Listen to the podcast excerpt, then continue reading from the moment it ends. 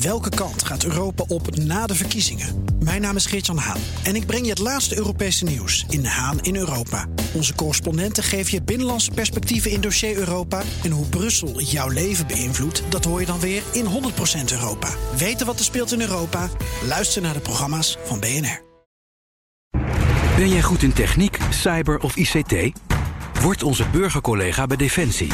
En werk vanaf nu samen met militairen aan de veiligheid van Nederland. Maak jouw specialisme specialer.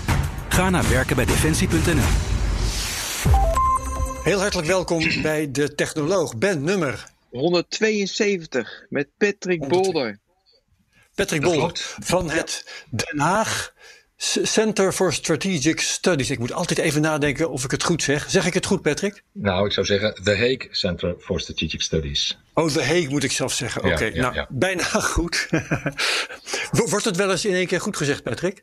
Nauwelijks, nee. En, en we worden ook wel eens uh, verward met een andere denktank in Nederland. Maar goed, dat Precies. maakt allemaal niet uit. Daar werken we ook goed mee samen. Ja, oké. Goed. Wij gaan het met jou hebben over de Space Force.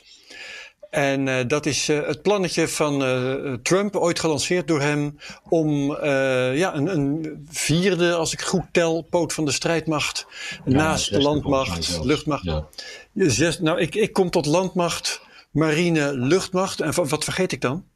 De, de Air Force, dat is dan drie. Ehm, de US Marines, dat is vier. De Space, um, daar hebben we nog iets. En de Space Force is nu dan de zesde volgens mij. Ja, ja, ja.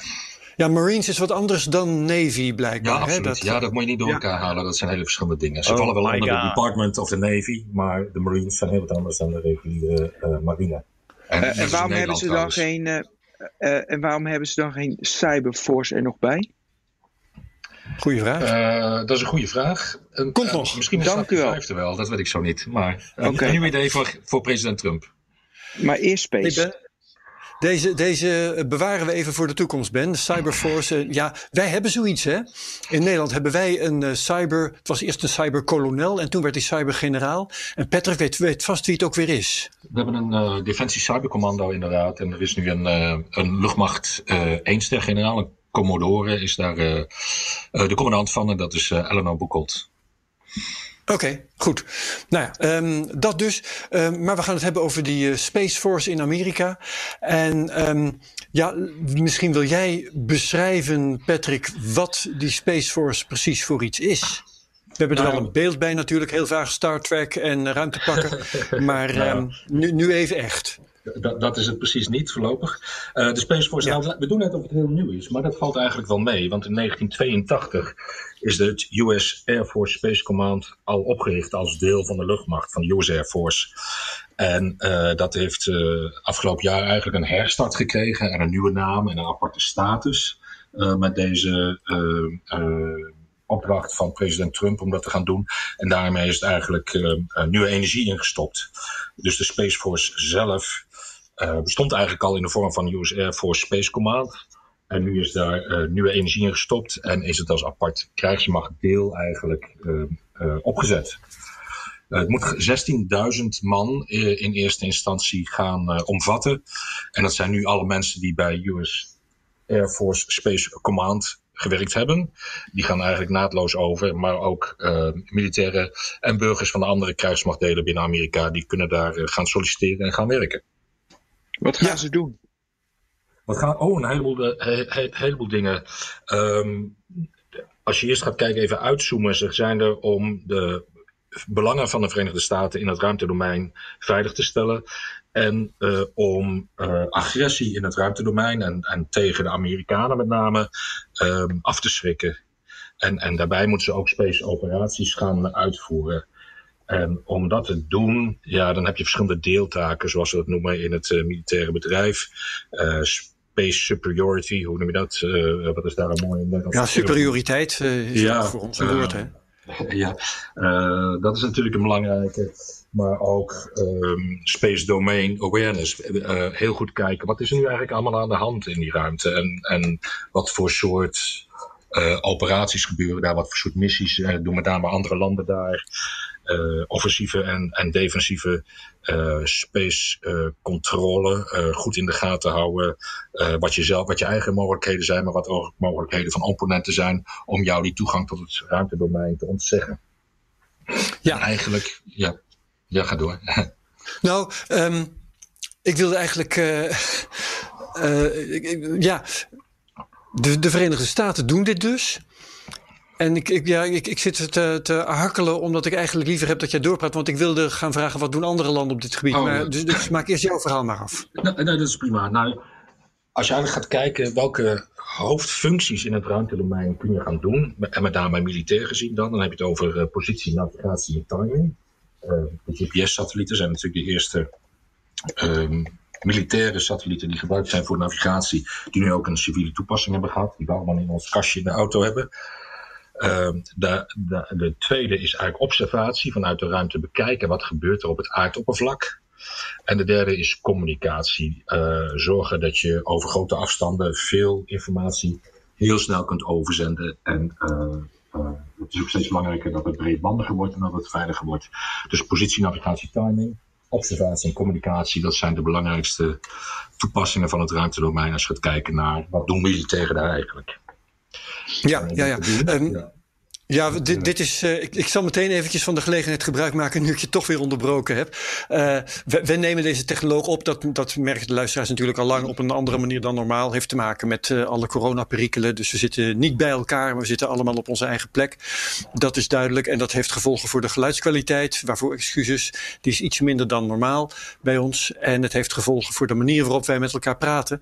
Dat is ook goed te merken. Want met een hele kleine vertraging is het toch heel ingewikkeld om, om een vloer vloeiend gesprek te voeren, wat een stuk makkelijker is als we bij elkaar in de studio zitten. Dus dat even um, om, uh, om de context aan te geven. Um, ja, je noemt een aantal dingen, Patrick. Uh, een aantal technieken en een aantal toepassingen die dan in die Space Force ondergebracht zouden moeten worden. Maar je maakt mij niet wijs dat dat geen dingen waren die niet al lang gedaan werden. Nee, dat, dat, dat klopt helemaal. En dat was natuurlijk al een onderdeel van die uh, US Air Force Space Command, die voorloper van de huidige Space Force. Um, ja. En dat zijn eigenlijk de basisapplicaties van ja, het gebruik van het ruimtedomein. En, en zeker dat uh, een, navigatiegedeelte, dat hebben we heel goed gezien tijdens de Eerste Golfoorlog in 1991 zonder het gebruik van navigatiesatellieten hadden die Amerikanen nooit die mooie haakbeweging naar Kuwait kunnen doen toen ze tegenover het, het leger van Saddam Hussein stonden. Um, en, en, vanaf dat moment zie je eigenlijk ook dat dat ruimtedomein van een strategisch, uh, uh, zeg maar, het mogelijk maken van militaire operaties een tactisch iets is geworden. En dus van, van we zeggen dan van enabling uh, domein is naar een warfighting domein gegaan. En ik denk dat dat besef eigenlijk ook goed doorgedrongen is, waardoor er nu ook een, uh, een Air Force en een Space Force is op. Ja, en, en om jou nu, nu, even toe te lichten. je zegt enabling en warfighting. dus het, het was ondersteunend, om het maar even ja. in het Nederlands te vertalen. En het wordt meer een, een slagveld op zichzelf. Klinkt een beetje dreigend, maar dat is eigenlijk wat je zegt. Nou, ja, nou dat is een goede vertaling, denk ik, ja. ja, ja. We, we zullen zien dat wat er in de ruimte gebeurt niet alleen uh, het gevecht op aarde en in de atmosfeer gaat ondersteunen, maar dat ook het ruimtedomein zelf een, een domein wordt waarin spanningen worden uitgevochten. Ja, hoe dan? En, hoe dan? Nou ja, de uh, uh, satellieten die kun je natuurlijk Gewoon wegsturen. Nou ja, ja, dat zou een beetje dom zijn, denk ik. Want uh, uh, met het uh, kapotmaken van satellieten in banen om de ruimte breng je daar natuurlijk ook een heleboel ruimtepuin in die oncontroleerbaar dreigt te gaan worden. De, de het Kessler-syndroom, dat één satelliet uit elkaar spat en daarmee de restanten daarvan spatten andere satellieten uit elkaar en dan krijg je zo'n domino-effect. Maar je kunt natuurlijk wel met energiewapens satellieten gewoon uh, doodmaken. Zonder ze in stukjes uit elkaar te schieten. Gewoon door de inhoud, de, de binnenkant ervan te verbranden. De, uh, de chips en, wat er allemaal in zit. Of met lasers kan je misschien de sensoren verblinden van zo'n satelliet. Waardoor die onbruikbaar wordt. Of wat de nieuwste technieken zijn. En uh, de Russen, maar ook de Amerikanen zijn daarmee bezig. Dus een andere satelliet heel dicht bij jouw satelliet laten komen. En hem een zetje geven naar een andere baan, of omdraaien, of ja. ermee knoeien. Nou ja, daar wil ik wel even een paar dingen van, van daar wil ik wel graag op ingaan. Want uh, je zegt, uh, je, je, zou satellieten kunnen, kunnen uitschakelen, verbranden. Ik herinner me het Star Wars project van Ronald Reagan. Hè. In de jaren tachtig kwam Reagan opeens eigenlijk net als Trump. Trump uh, stapte meer in de schoenen van Reagan eigenlijk met zijn uh, we gaan een Space Force. Ik moest onmiddellijk denken aan uh, dat Star Wars project, wat hij niet zo noemde. Het heette het Strategic Defense Initiative. Ronald Reagan riep: We gaan uh, een, een, paraplu maken, een verdedigingssysteem, uh, onder andere in de ruimte, maar ook op aarde, tegen uh, inkomende kernraketten. En hij zei: We have the technology. Ik herinner me die woorden nog. Toen is er een onderzoeksproject gestart. En ze bleken de technologie helemaal niet te hebben. Dat project dat heeft nooit bereikt wat het ambieerde, namelijk een waterdicht verdedigingssysteem tegen kernraketten. Dus als jij nu zegt, we kunnen satellieten uitschakelen. Is dat dan echt zo? Of is dat een beeld hè, van wat we ontlenen aan de science fiction? Van uh, we, kunnen er een straaltje op richten en dan houdt hij op met werken? Nee, nee, nee dat is echt zo. Uh, het Strategic Defense Initiative was echt gebaseerd op we bouwen een schild. met goede sensoren, met, met goede communicatie, met wapensystemen om inkomende ballistische missiles op tijd tegen te houden. Um, voor een deel is dat ook wel doorontwikkeld hoor, want uh, dat zijn natuurlijk die radarsystemen die in Polen en Roemenië staan, waar de Russen een beetje zenuwachtig over worden.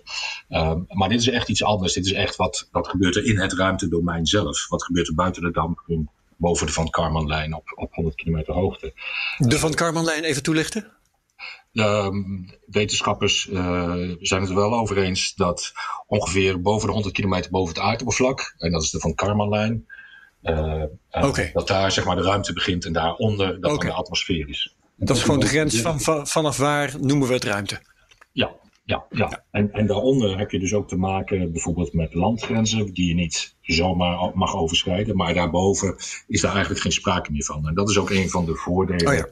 van het ruimtedomein. Dat je daar geen grenzen hebt. Dat je dus niet eerst toestemming hoeft te vragen om een ander land uh, te mogen overvliegen.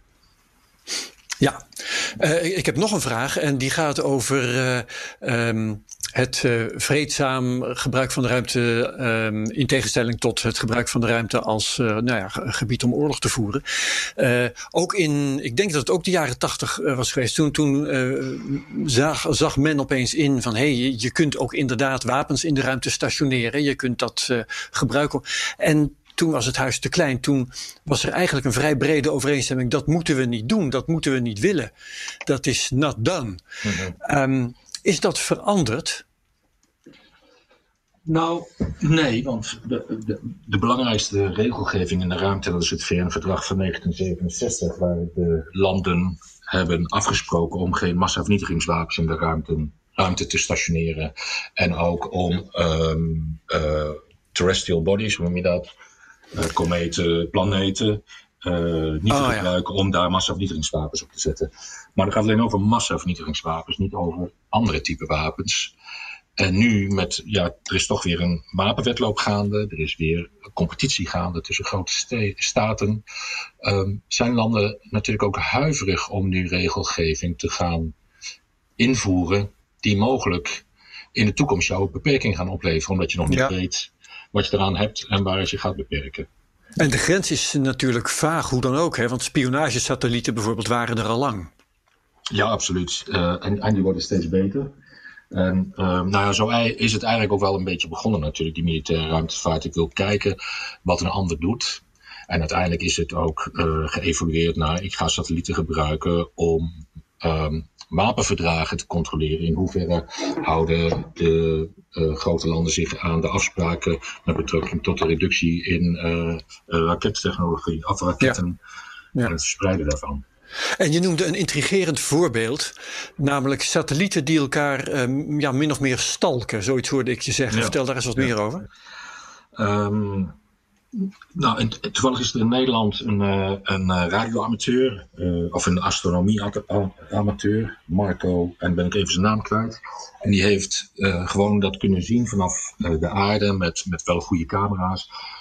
En het is ook bewezen eigenlijk al dat satellieten in staat zijn om zogenaamde proximity operaties uit te voeren, waarbij je heel dicht bij een andere satelliet gaat zitten. Um, dat kan je ook doen door twee van je eigen satellieten vlak bij elkaar in de ruimte te brengen. En één laat je daar stiekem van naar een andere baan uh, glippen. Uh, waardoor het net lijkt alsof jouw satellieten, of jouw satelliet, die al eerst als één reflectie te zien waren, nog steeds op diezelfde plek zitten. Maar ondertussen voer je een heimelijke operatie uit met een andere satelliet naar een satelliet van een land wat jou minder uh, vriendelijk gezind is. En dan ga je kijken en luisteren, wat doet die satelliet van mijn tegenstander, zal ik maar even noemen. Uh, waar, welke frequenties zendt hij op uit? Welke sensoren heeft hij aan boord? Kan ik, als dat nodig is, kan ik informatie veranderen? Kan ik informatie toevoegen? dat soort dingen. En ja, en misschien ook welke, welke data ontvangt deze satelliet? Je kunt anders meeluisteren. Ja, absoluut. Ja, uh, wat gebeurt er nou precies? Waar luistert hij naar? Waar zendt hij op uit? Uh, waar is het gebied van interesse waar die satelliet nou precies ja. naar kijkt? En dat is een Nederlandse amateurastronoom die dat heeft ontdekt, dat dit gebeurt. Ja. Die heeft, uh, die heeft dat helemaal kunnen volgen, gewoon in een heldere atmosfeer en met, met redelijk eenvoudige apparatuur. Ja. En als ik me goed herinner, dan was het een Russische uh, satelliet die een Amerikaanse satelliet aan het stalken was. Herinner ik me dat goed? Ja, volgens mij was het zo inderdaad, ja. ja en onlangs hebben we daar ook weer, wat ik zei, dat met die twee satellieten, dan lijkt het net op aarde alsof er één satelliet is. En als je dan die een beetje laat kantelen, dan, dan, dan zie je dat kleine andere satellietje niet wat weggaat. En dat is natuurlijk best wel gevaarlijk als je niet precies weet wat er aan de hand is. Ja. Uh, daarom, als je in de ruimte aanwezig bent met je militaire middelen, dan zul je ook heel goed moeten weten wat doen anderen daar? En, en de term daarvoor is Space Situational Awareness. Dus we willen ook heel graag weten um, wie zit er eigenlijk nog meer en wat zijn hun capaciteiten. Ja, Ben, ben jij nog aanwezig? ja, ja, ja, heel veel, ja. ja maar ja, ik ben stil. Ja, nee, ja, want ik luister en ik vind het doorheen komen vind ik lastig. Want als je elkaar ziet, ja, dan weet je van, maar als je elkaar niet ziet, is het onwijs lastig. Precies. Ik heb heel veel vragen, maar de eerste die ik al had van, waarom zou je überhaupt dit allemaal doen? ja. spreekwoord uh, beginnen. Ja, nou, het gaat eigenlijk allemaal om informatie. Als je gaat kijken, oorlogvoering draagt, draait eigenlijk om informatie. Als ik meer informatie heb en betere informatie en snellere informatie dan mijn tegenstander, kan ik mijn besluitvorming beter doen, kan ik mijn besluitvorming sneller doen. Um, ja. En het ruimtedomein is een van die domeinen waar je een heleboel, uh, die ik heel goed kan gebruiken om informatie te verkrijgen. Dus als je het met tegenstander blind kan maken om hem uh, de toegang tot de ruimte te ontzeggen of hem verkeerde informatie geven, uh, ja, dan heb ik wel een voorsprong. En daar gaat het ja. eigenlijk om. Uh, kun je uitleggen hoe, bijvoorbeeld met het volgen van die satellieten of het beïnvloeden, hoe ze dan die informatie krijgen, gewoon de manier waarop, zeg maar technisch gezien? Wat bedoel je bij die andere satellieten dan? Nou ja, die satelliet, je zei net, uh, dus dan pak je data van die ene satelliet. Uh, bijvoorbeeld Rusland pakt dat van Amerika, wat Herbert vertelde. Uh, hoe dat, dat weet je, dus dan zie je ze dicht bij elkaar, zei jij. Maar hoe ja, is die informatieoverdracht dan daar in de ruimte? Uh, ja, hoe, hoe dat precies technisch in elkaar zit, dat weet ik niet precies. Maar als je vlak bij elkaar kunt zitten en je kunt dan kan je ook luisteren wat, wat voor geluidjes maakt de satelliet dan en dan wel in het elektronische spectrum. Um, en dan kan je ook, uh, als je gaat meeluisteren, dan kan je ook, of als je kunt meeschuiven in dat spectrum en mee gaat luisteren, dan kan je ook gaan onderscheppen. En als je de e-, eenmaal hebt onderschept en je zit dezelfde golflengte, ja, dan kan je dus dat ook beïnvloeden. En nou zijn er allemaal mogelijkheden om dat met cryptologie te gaan versleutelen en dat soort dingen. Uh, maar dat zijn allemaal volgende stappen die, uh, die moeten nog genomen worden. Ja, hey, en die Space Force, dat is 15 miljard in 2021 van het totaal 705 miljard dollar die Amerika uh, uh, ja, ja, dus besteedt, is 2%. Is dat 2%? Ja, ja is dat ja, veel ja, of is dat, is dat echt een schijntje? Vind jij? Hadden ze, is het verstandig in de balans om meer te doen of niet? Nou, uh, het zijn gigantische bedragen als je gaat kijken naar de begroting van onze Nederlandse defensie, dus een beetje 11 miljard. En dat haalt het dus nog niet bij de begroting van alleen maar de Space Force. Wat dan nog maar 2% is van de totale Amerikaanse defensiebegroting. Um, ja, is het veel? Is het veel? Uh, is het weinig? Ik, het, het, is een behoorlijke hoeveelheid geld. Um, maar het, het, is niet zomaar een Space Force krijgt zoveel geld en kijk maar wat je ermee doet. Het is natuurlijk wel gebaseerd op plannen. Wat wil ik precies gaan bereiken de komende jaren? En is het nieuw geld? Hè? is misschien een goede vraag. Want uh, we zeiden net al, een aantal dingen gebeurden al. Spionagesatellieten en noem maar op. Dus misschien is het alleen maar nu in een uh, bepaald hokje gestopt. Terwijl er niet eens ja. zoveel nieuw geld bij is. Um, het is meer een verschuiving. Natuurlijk zien we wel weer ieder jaar een uh, ophoging van het Amerikaanse defensiebudget. En dat er dan ook meer geld naar Space Force gaat, is bijna logisch. Um, maar het is niet 15 miljard nieuw geld. Nee, het is, voor gewoon doen is het ook gewoon verschuiving wat eerst in de Air Force begroting is ondergebracht. En ja. duidelijk op de begroting hey, van Space Force. Uh, en je zei het gaat om positie en observatie en communicatie. Uh, zie je in de positiebepaling GPS, zitten daar nieuwe ontwikkelingen in? Ja, het wordt steeds uh, meer beveiligd, uh, want GPS kan ook makkelijk gestoord worden. Daar hebben we ook wel voorbeelden van. Um, grote NAVO-oefening in de herfst van uh, 2018 voor de Noorse kust. daar zagen we dat het GPS-signaal grootschalig werd verstoord. En dat gebeurt vaker op de wereld waar grote NAVO-oefeningen zijn of oefeningen met westerse landen.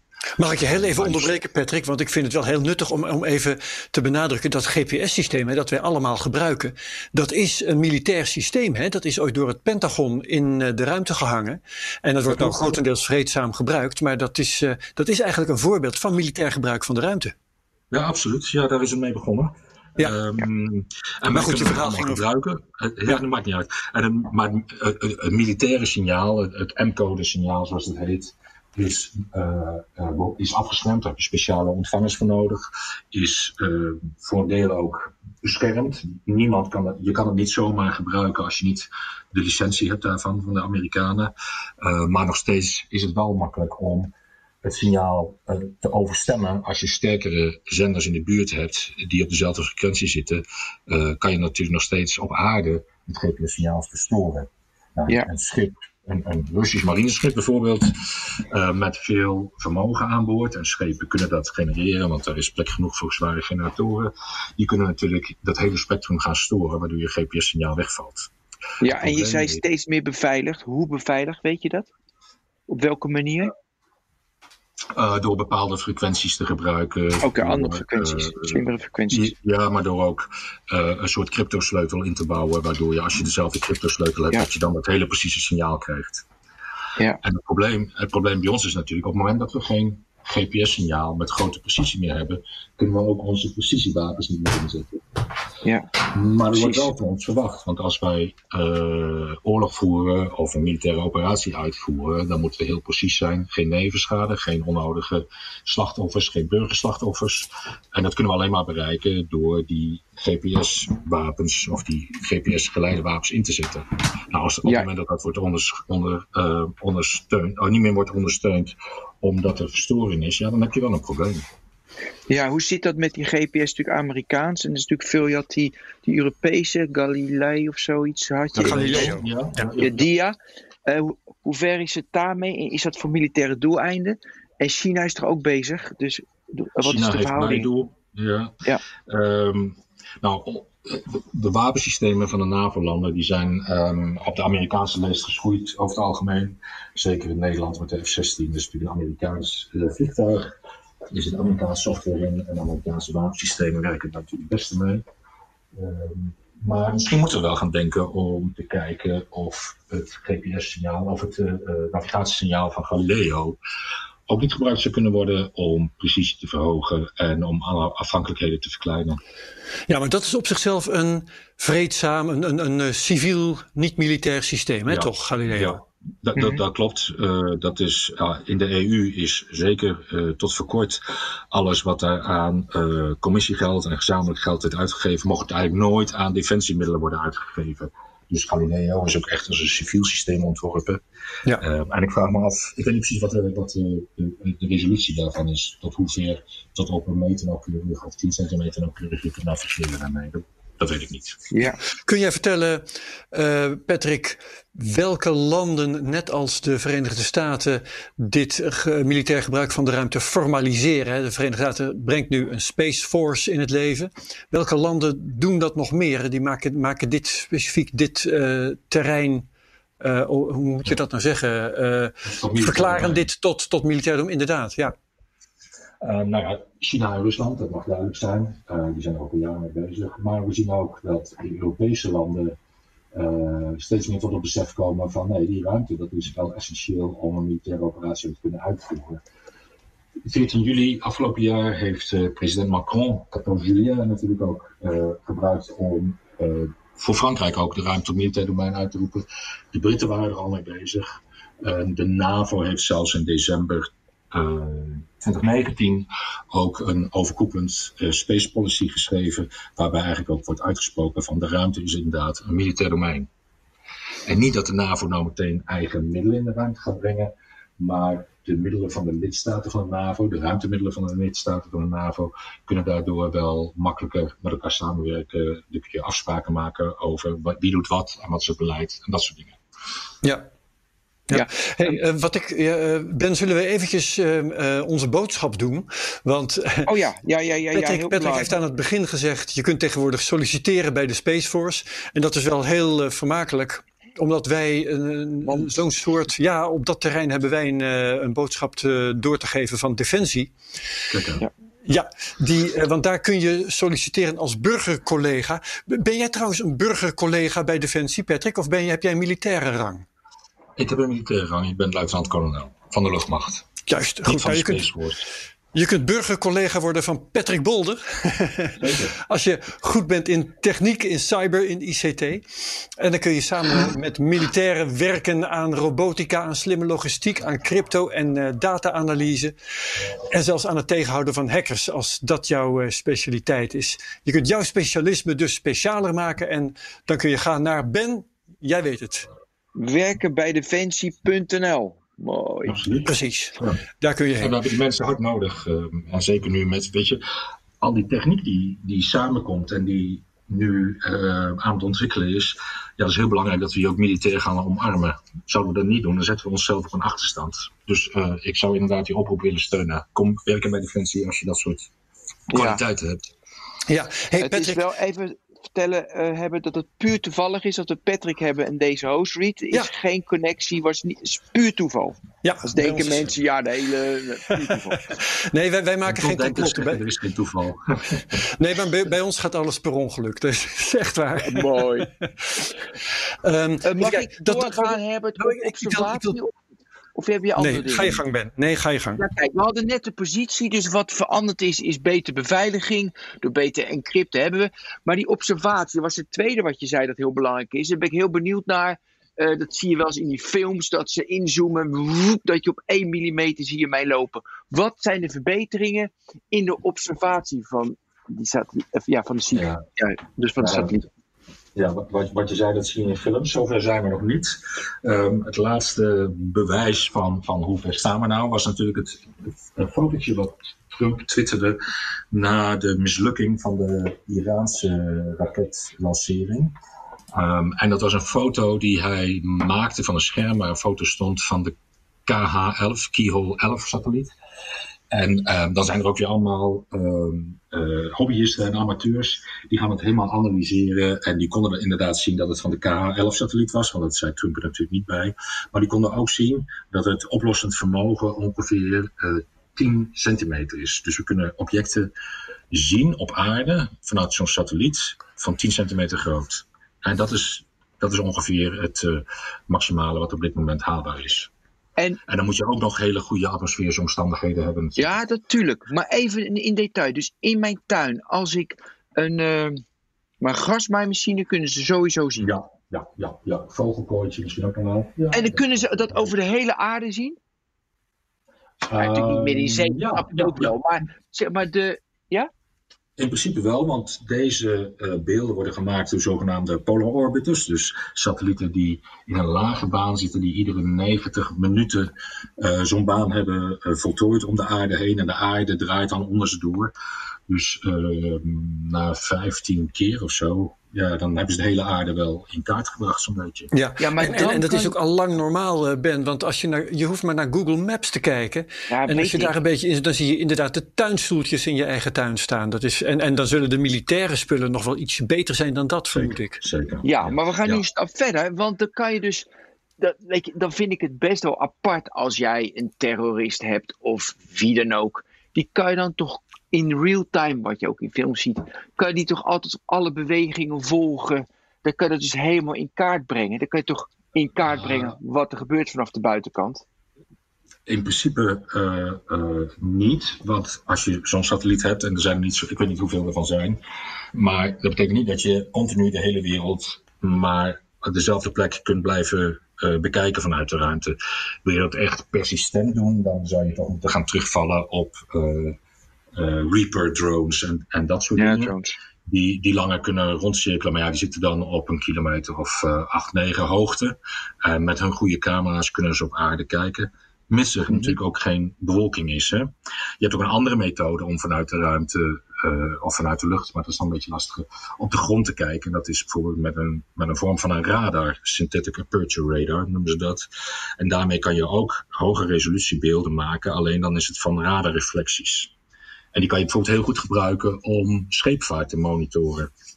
En daar zijn we als Nederland ook met de Noren mee bezig. Kijken of we een satellietconstellatie kunnen maken die vanuit de ruimte uh, schepen kunnen bekijken.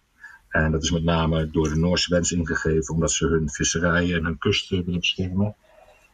en als je die beelden van die schepen kunt correleren met hun AIS-signaal, hun, hun positiesignaal wat schepen moeten uitzenden, dan, dan weet je dus wie waar vaart. En het is wel interessant om schepen dan te gaan zoeken die geen AIS-signaal uitzenden of die een AIS-signaal uitzenden, die zeggen dat ze op een hele andere plek zitten.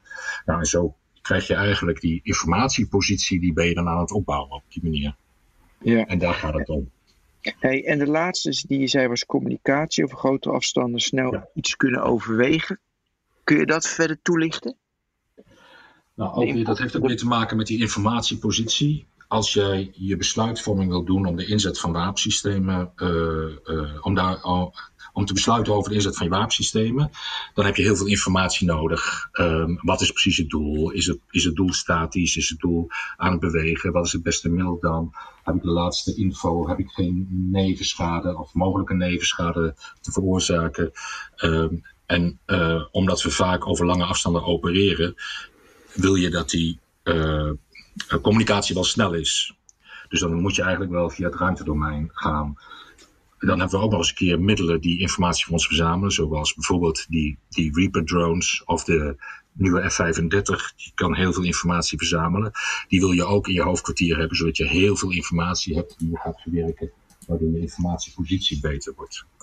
Nou, die communicatie, die kan eigenlijk alleen maar via het ruimtedomein. Maar omdat het zoveel is, heb je ook breedbandige communicatie nodig. En omdat het van militair belang is, wil je ook zorgen dat het veilig is. Nou, een van de mogelijkheden daarvoor is dan om communicatie te doen via laser. En uh, laserstralen kunnen breedbandige communicatie ondersteunen. En je kan het ook nog eens een keer heel veilig maken. Het probleem is alleen dat je over hele grote afstand dus wel heel precies je zender en je ontvanger moet uitlijnen. En als er dan ook nog eens een keer bewegende systemen zijn, een vliegtuig op 8 kilometer hoogte, een satelliet op 500 kilometer en een grondstation uh, op aarde en daar misschien nog een vliegtuig tussendoor. Uh, ja, technisch is dat natuurlijk wel een hele uitdaging. Ja, dan maak ik van de gelegenheid gebruik om even te vertellen dat um, de podcast Space Cowboys, dat is een van de andere podcasts die ik maak. Uh, wij hadden een keer daar een, uh, een aflevering over lasercommunicatie in de ruimte. Die is, als ik me goed herinner, in juni vorig jaar verschenen. Dus mensen die daar speciaal. Ga hem in de show notes, Herbert. Kan ik in de show notes zetten. Ja. Maak ik een notitie van, lezen. Zeker leuk. Ja. ja. Hey, en dan heb ik een vraag. Nederlandse bedrijven zijn er trouwens ook goed mee bezig. Hè? Ja, dat, dat, daar, daar kom ik zo op. Maar ik wou eerst even nog om, om nog eens eventjes naar die, uh, die strategische positie van de ruimte te kijken. Uh, moet ik even inleiden. Ik eh, denk dan aan kernwapens. Hè. Die hebben uh, de, de manier van oorlog voeren totaal, zelfs de manier van, van vrede bewerkstelligen hebben ze totaal veranderd. Omdat kernwapens, die gaven de aanvaller opeens voordeel. En het enige wat daar tegenovergesteld kon worden, dat was de mutually assured destruction. Hè. Dan zorgde je dat als iemand jou aanviel met kernwapens, dan was je verloren. Het enige wat je dan nog kon doen was zorgen dat de ander ook verloren was. Moest je ergens uh, op een veilige plek moest je nog wat kernwapens opstellen. Dan kon je de ander ook uh, naar het stenen tijdperk bombarderen. Daarom wil ik vragen. Heeft de ruimte uh, specifieke eigenschappen waardoor daar misschien de aanvaller of misschien de verdediger speciaal in het voordeel is? Kun je daar eens iets over zeggen?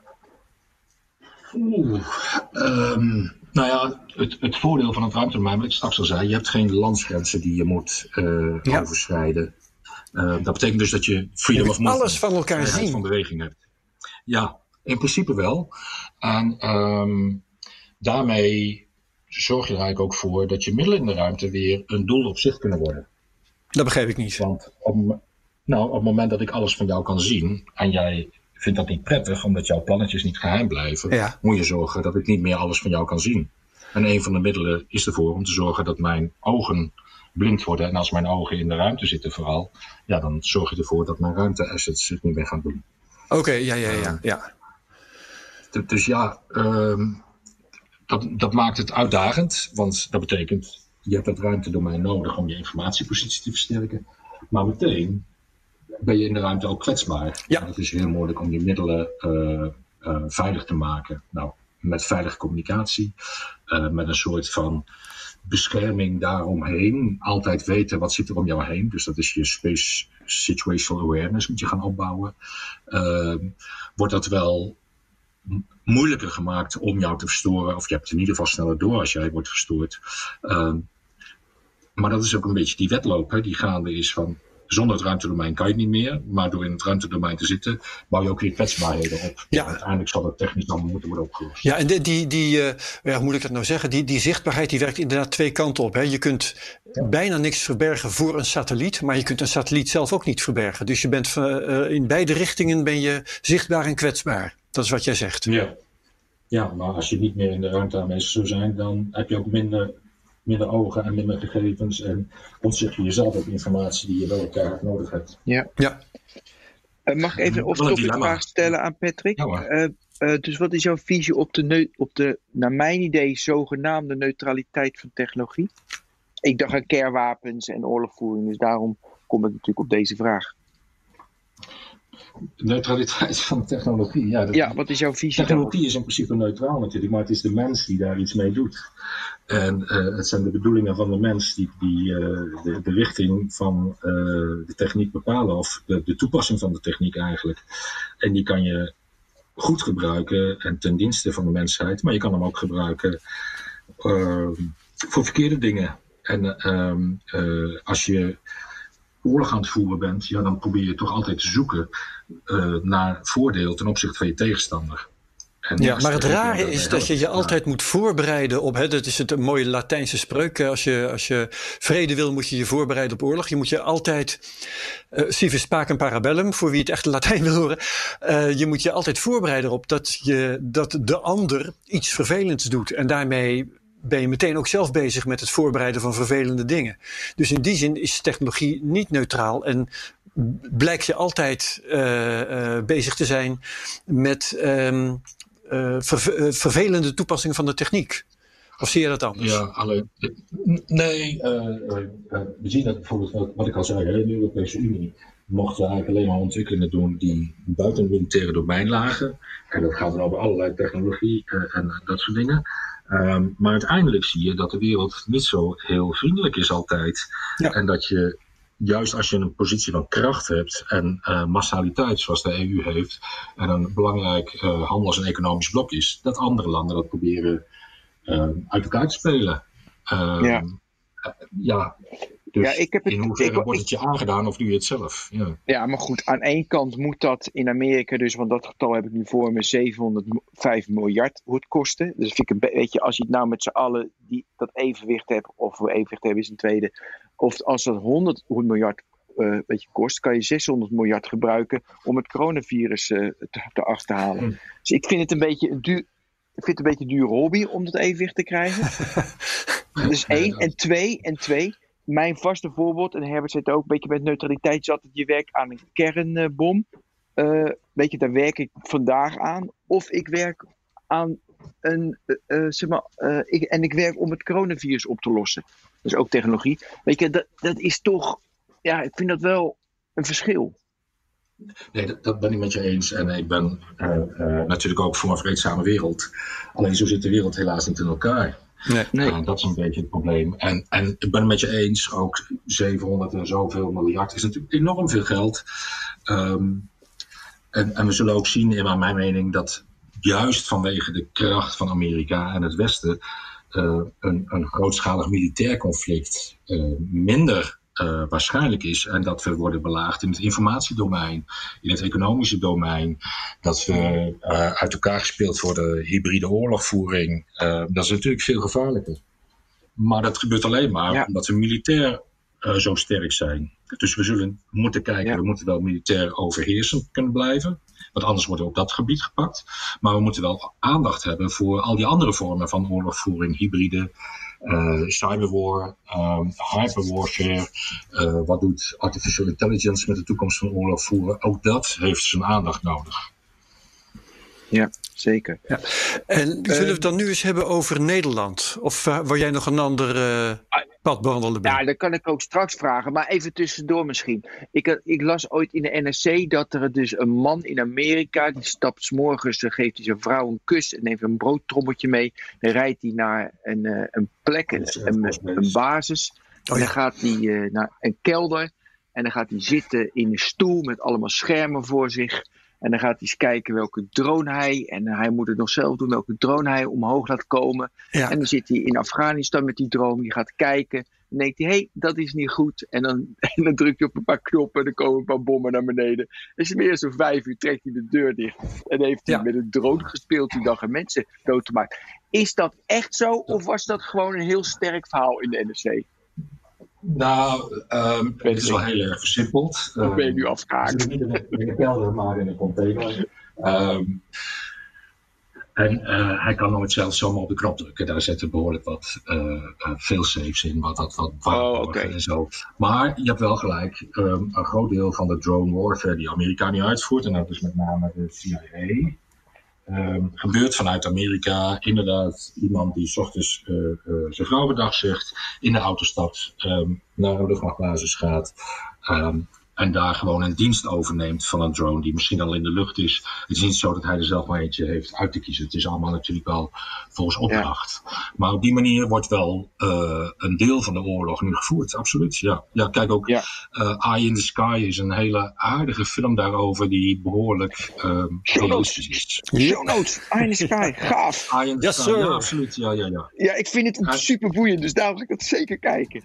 Uh, in Nederland zijn we natuurlijk ook bezig met wat kunnen we doen met drones, zowel met de landmacht als wij als HC6 ondersteunen ook een project bij de landmacht over uh, onbemande systemen en robotica en autonome ja. systemen. Bij de luchtmacht zijn we natuurlijk bezig met, uh, met de invoering van de MQ-9 Reaper. Um, maar dat gaat wel allemaal heel zorgvuldig en heel precies. En uh, autonomie is nog een lange weg te gaan en er zal altijd een mens aan de knoppen zitten. En dat soort maar dan gaan we heel erg uh, in de algemene militaire technologie verzeild raken. Ja. En ik wil het even bij, ja, de, bij de ruimte houden. Uh, nee, maakt niet uit. Um, maar Nederland is, is al een paar keer te sprake geweest. Hè? Oh, trouwens, wat ik wel even wil zeggen, dan, maar dan, dan is het alleen maar om het voor me uit te schuiven. we gaan het binnenkort hebben over de F-35 die jij al noemde. En dat is al over twee weken. Dan hebben we Christ Klep, um, deskundige op de militair historicus is hij. Maar hij heeft ook verstand van techniek. Hij, uh, hij vertelde me dat hij zelf auto's bouwt. Maar in elk geval, die is het om, de omgevallen boekenkast in Nederland als het gaat om de F-35, de JSF. Mm. En met hem praten we dus over twee weken. Dus dat is dat. Ja, ik denk dat andere experts zijn nog over de F-35, maar goed. Natuurlijk zijn er andere experts. Misschien ja. vertellen die verhalen die jij beter vindt. Dat kan heel goed hoor. Maar wij praten dus met Chris Klep. Um, Oké. Okay.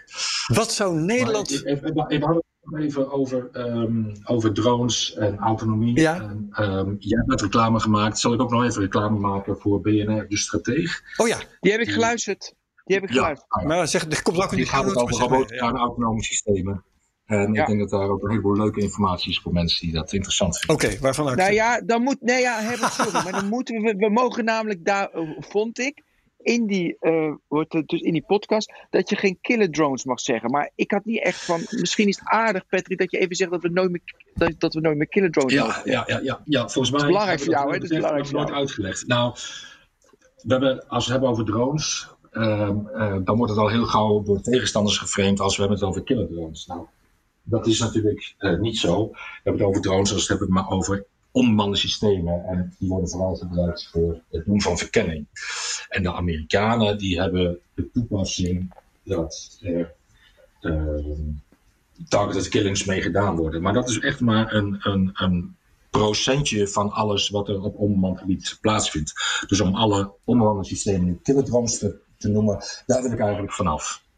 Oké, Oké. dat is genoteerd. Om het, het, ja, Genoteerd, het gaat gewoon ja. om het geven van, van goede informatie en goede besluitvorming. Juist om minder slachtoffers eh, eh, te gaan krijgen. Oké. Wat moet Nederland Herbert. bijdragen aan een Space Force? Ehm, nou, aan de Amerikaanse Space Force niet zozeer. Nee, moeten wij een eigen Space Force hebben? Nou, dat- ik, ik vind het een Space Force nogal megalomaan. Bij de luchtmacht zijn we bezig met heel weinig mensen, een stuk of zes mensen die zich verdiepen in wat is nou precies dat ruimtedomein, wat kunnen we daarmee militair gezien, wat past dan bij de Nederlandse maat. En we gaan hopelijk dit jaar de eerste Nederlandse militaire satelliet eh, de ruimte inschieten. En dat is een heel klein satellietje, iets van drie melkpakken groot. Oh, zo'n En CubeSat. dat is vooral een, ja, ja. En dat is vooral om voor onszelf ook te leren, als, als defensie, als luchtmacht. Wat komt er eigenlijk allemaal bij kijken? Waar moet je allemaal rekening mee houden? Hoe ziet het ontwerp van zo'n satelliet? Wie heb ik daarbij nodig? Wat kan het voor mij betekenen? Kunnen de Amerikanen je dat niet gewoon vertellen dan? Die doen dat toch al langer?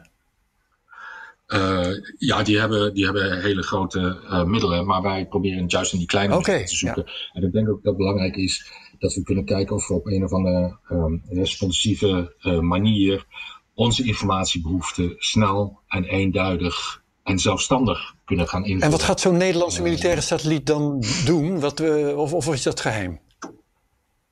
Nee, dat is niet, niet, niet per se geheim. Hij heeft eigenlijk drie taken in zich. Hij gaat een stukje signal intelligence doen. Hij gaat uh, scintillatiemonitoring doen. En dat is een moeilijk woord voor het meten van de verstoring van uh, uh, radiosignalen en GPS-signalen door zonneactiviteit. En hij heeft een store forward, een, een soort brievenbusfunctie, dat hij zijn verzamelde gegevens, die houdt hij vast. En die verstuurt hij alleen maar als hij in contact is met het uh, grondstation. Ja. Dus eigenlijk drie functies in en daar, gaat, en daar gaat Nederland dus mee experimenteren nu. Dat is de eerste Nederlandse aanwezigheid in de, militaire aanwezigheid in de ruimte. Ja, militaire aanwezigheid, ja.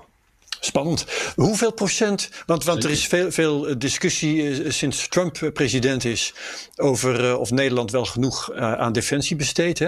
En die Space Force heeft Bennett voorgerekend, dat wordt 2% van het Amerikaanse defensiebudget. Hoeveel procent van Nederlands defensiegeld zou naar militaire ruimtevaart moeten? Uh, dat is een lastige. We eerst ruimtebeleid. We hebben eigenlijk als Defensie nog geen beleid over wat willen we nou precies doen in de ruimte. Uh, als je beleid hebt van wat wil ik daar betekenen, en ik zou vooral inzetten, willen inzetten op het versterken van onze informatiepositie, op het doen, op het uh, uh, zekerstellen van beveiligde communicatie over grote afstanden. ja, als je dat als je beleid hebt, dan kun je ook zeggen welke middelen wil ik daar dan tegenaan zetten. En dan kun je ook gaan bepalen hoeveel geld zou er naar die middelen moeten. Ja. Maar ik denk dat je met zo'n ja, met zo'n 30 miljoen euro per jaar al een heleboel kunt doen. Uh, wat ja, maar je, je, maat. Je zegt daar is eigenlijk nog niet voldoende over nagedacht. Loopt Nederland wat dat betreft dan achter? Want uh, goed, de Verenigde Staten zet nu uh, reuzenstappen alvast. In elk geval in het bundelen van hun ruimtevaartactiviteiten. We hadden het er net over dat het nog maar te bezien valt hoeveel wat, van wat zij doen eigenlijk nieuw is. Maar uh, moet Nederland als de sodemieter een militair ruimtevaartbeleid formuleren? Ja, dat zal wel passen binnen wat, wat ook elders in de wereld gebeurt en wat ook binnen de NAVO gebeurt en wat binnen wat andere Europese landen doen. Kijk, het is heel goed om samen te werken, maar je zult ook een stukje zelfstandige positie moeten hebben, want daarmee kan je ook weer andere samenwerking faciliteren. It, it takes two to tango. Je kan zeggen, ik werk samen met internationaal, ik werk internationaal samen met andere landen, maar je moet ook iets te bieden hebben, wil je iets terug kunnen krijgen. En daarom hoeft het ook niet zo heel groot te zijn, zoals de Amerikanen, die willen natuurlijk volledige zelfstandigheid hebben. Maar als wij een stukje uh, van dat hele grote space puzzel kunnen invullen nationaal, dan kunnen we ook weer andere stukjes terugkrijgen. Ja, en daar en moet het eigenlijk om gaan. Ja, en wat moet daar dan in staan in dat beleid volgens jou? Nou ja, wat ik zei, dat we zelfstandige en ja, vond, ja, dat vond ik te breed. Hebben. Maar even concreet, iemand van, van die zes man of zeven worden het er dan, of van die 30 miljoen die besteedt, dat zijn meer dan zeven man, maar je moet natuurlijk dingen maken. Uh, ja. Wat gaan die vandaag doen als ik nu naar mijn werk ga? Nou ja, boven op zolder zit, thuis te werken. Nou, uh, die, die zullen dus die plannen eigenlijk moeten gaan omschrijven van als wij als het ministerie van Defensie dit beleid wil nastreven, hoe gaan we dat dan invullen? En uh, ik zou zeggen, laten we dan ook vooral met Nederlandse bedrijven werken op het gebied van die lasercommunicatie. Ja. Um, weet je, dan gaat defensiegeld, wordt in onze eigen economie rondgepompt. En dat ja. is natuurlijk altijd interessant. Uh, ja, dus zo stimuleer je zeg maar een laserbedrijf in Nederland om een defensietoepassing te doen. Ja, dat zou toch hartstikke mooi zijn. Ja. En, en uh, weet je, Nederlandse bedrijven zijn, zijn behoorlijk goed en, en innovatief. En ik denk dat deze tijd van het coronavirus jaagt alleen maar innovativiteit aan. Um, laten we nu daarop inzetten om, om een stukje uh, positie te krijgen waarmee we ook andere landen uh, iets te bieden hebben. Bevriende landen. En, en wat mij betreft, die lasercommunicatie is daar eentje van. Laten we daarop inzetten dat we dat goed gaan regelen dan kunnen we er misschien ook wel heel rijk van worden als Nederland. Ja, wat, wat zijn er nog meer voor technologieën uh, die um, militair gebruikt kunnen worden in de ruimte? Uh, dus, dus ruimtevaarttechnologieën die militair en waar um, de, Defensie dan een soort launching customer voor zou kunnen zijn? Laser noem je dus al, maar wat is er nog meer? Ja, op het gebied van, van observatie, ik zou ook zeggen, uh, waar vinden. En, en bepaalde lekke Nou ja, als ik het even vergelijk, bijvoorbeeld het, het Tropomi-instrument. Misschien heb je daar ook wel eens een item over gedaan met Space Cowboys. Dat is een Nederlandse uh, satelliet en die doet uh, controle van luchtkwaliteit. En die heeft bijvoorbeeld onlangs in Amerika een methaanlek kunnen vinden. Waardoor ja. er heel veel uh, broeikasgas ontsnapte en de Amerikanen wisten dat niet. Ja, klopt. Nou, als ja. je ook zo'n zulke dingen kunt doen op het gebied van nucleaire straling of zo, als je dat vanuit de ruimte kunt zien waar opeens een spike is in, in nucleaire activiteit. Uh, we hebben bijvoorbeeld die, dat Russische experiment gehad. In augustus was dat volgens mij in Noord-Rusland. Die waren bezig met een nucleair aangedreven cruise missile. Um, als je dit soort dingen al vanuit de ruimte heel snel kunt zien, geeft dat je extra waarschuwingstijd als ermee geëxperimenteerd wordt of als zo'n ding ergens gaat vliegen. Maar dat is natuurlijk wel gevaarlijk. Zo'n zo uh, nucleair aangedreven cruise missile mm -hmm. kan dagen, weken rondom de aarde cirkelen. Dus je wilt wel zeker weten waar die is. Ja. Wil je ook een tegenmaatregel kunnen nemen. Maar als je dat vanuit de ruimte kunt zien, Um, is dat natuurlijk wel een hele mooie, mooie winst. Ja, ik kende dat verhaal trouwens niet. Dus er bestaan al nucleair aangedreven kruisraketten. De Russen zijn ermee aan het experimenteren. Het, het, uh, dat is fout gegaan en er was even een hele korte uh, spike in, in de hoeveelheid nucleaire straling die daar vandaan kwam. Ergens in augustus van vorig jaar is dat geweest. Um, en dat zijn ontwikkelingen, maar uh, ja, absoluut, die gaan verder. En het gevaar daarvan is gewoon dat zo'n ding, eh, dat lanceer je en die kan gewoon een aantal dagen over aarde heen vliegen. Um, en wanneer ga je dat aangrijpen? En ja. wanneer is dat een gevaar voor je? Dus dat moet je blijven volgen. En dat kan eigenlijk alleen maar vanuit de ruimte. Dus ook op dat gebied zou ik zeggen, kijk of je daar het verschil kunt maken. Dat je, dat je informatiepositie verbeterd wordt. En dat je dus militair relevante toepassing hebt. Ja, dat is dus ja. iets wat jij de Nederlandse industrie voorstelt, wat ze zouden kunnen doen en, en waar uh, Defensie een afnemer zou kunnen zijn. Dat zou ik een hele mooie vinden. Van ja. opdrachtgever. Ja. Um, wat zijn nou voor de militaire ruimtevaart op dit moment, om, om het een beetje af te... Of heb jij nog vragen, Ben? Ik wil een beetje naar een afronding Heel veel. Ja, heel veel. Nee, nou, ik wil ook nog, nog eventjes. Ja, nee, ik wil ook even low-tech space war. Wat is dat? Low-tech space war? Low-tech space war? Ja, dus dat je, dat je, dus dat je zeg maar space wars kan voeren met low-tech. Dat kwam in die uh, podcast naar voren um, van de strateeg. Ja, dan zal nou, ik het zeggen. Ja, vertel. Maar nou ja, wat je zou kunnen ik denk dat dat is het uh, anti-satellite weapons, dat je dus een raket afschiet vanuit, uh, vanaf aarde of onder een vliegtuig vandaan om een satelliet uit de lucht te schieten. Dat is redelijk goedkoop. Uh, ja. Maar daarmee vergroot je eigenlijk alleen maar de problemen op de lange termijn vanwege dat ruimtepuin wat je introduceert. En ja. dat is een beetje ook wat de Indiërs hebben gedaan. Hè. Vorig jaar die hebben een eigen satelliet die het niet meer deed. Hebben ze kapot geschoten ja. om te laten zien dat ze ook uh, dit soort dingen kunnen. Dat ze ja. machtig zijn. Dat ze Schandelijk. Hebben. Maar uiteindelijk veroorzaken ze een heleboel problemen. Ja. En dat wil je eigenlijk niet. Mm -hmm. En die, uh, wat ik ook een uh, heel mooi voorbeeld vond, is dat jij met die. Ja, het is een drone, sorry Herbert, maar ik vond een wel interessant voorbeeld. Dat je heel makkelijk. wat vertelde je nou? Je kan een drone, dan kun je iets onderhangen en dan heb je ja, ja, ja. een bom.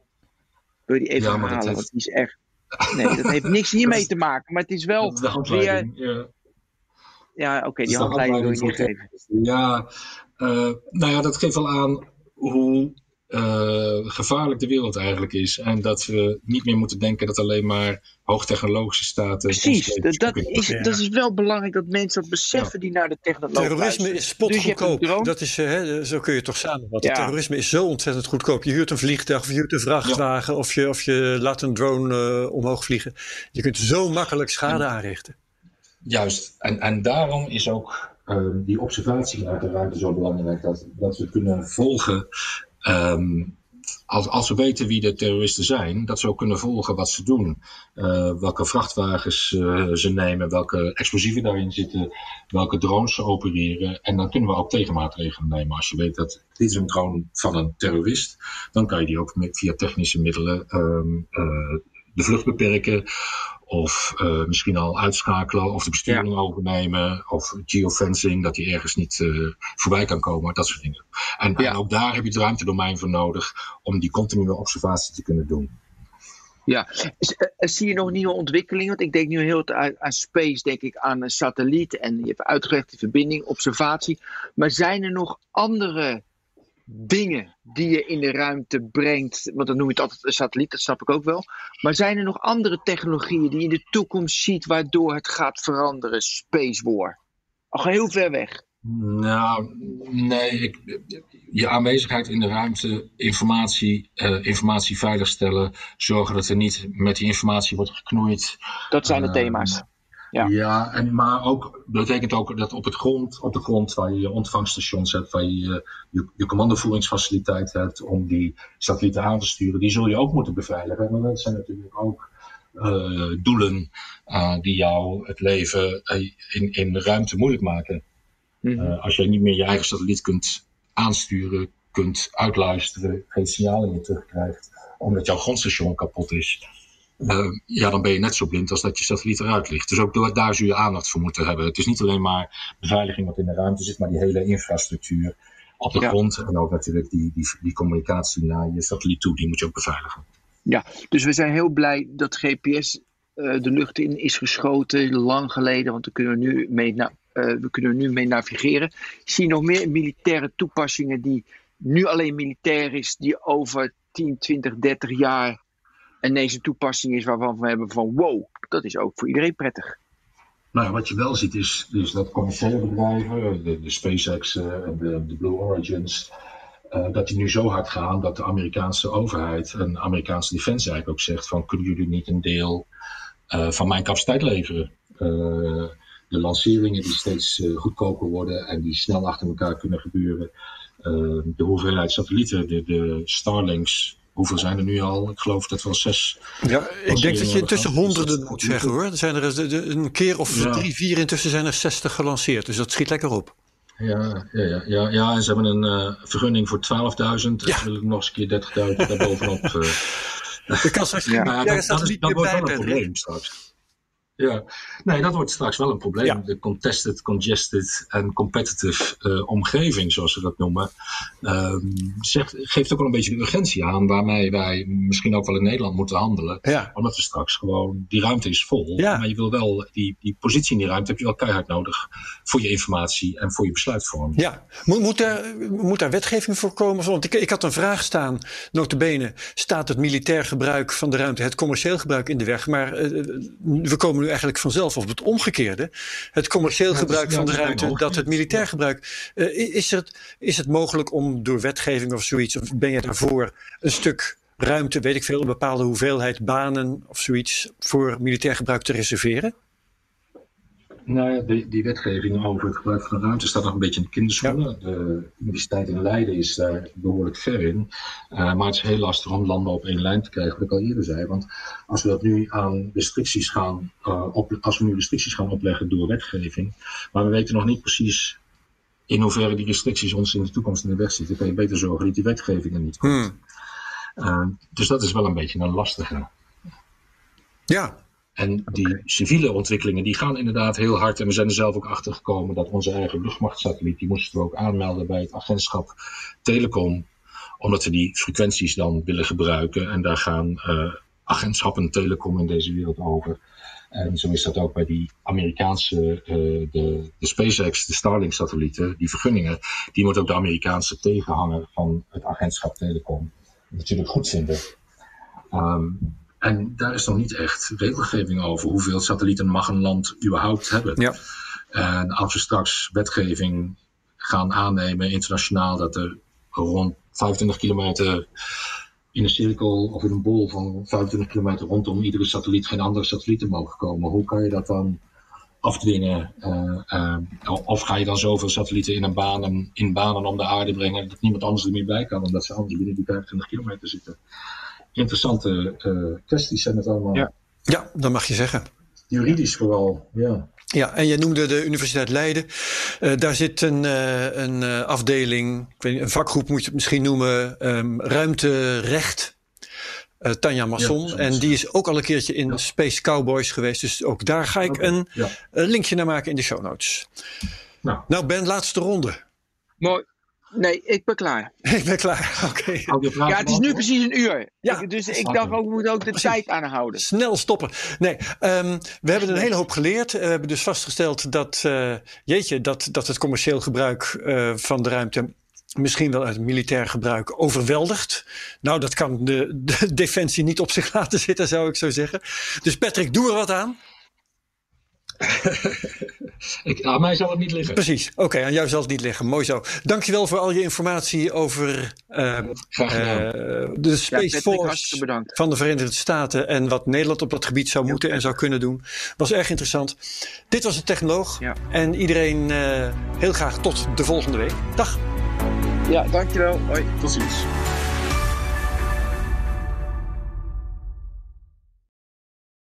Ook Harm Edens vind je in de BNR-app. Je kunt BNR Duurzaam niet alleen live luisteren in de app, maar ook terugluisteren als podcast, zoals al onze podcasts.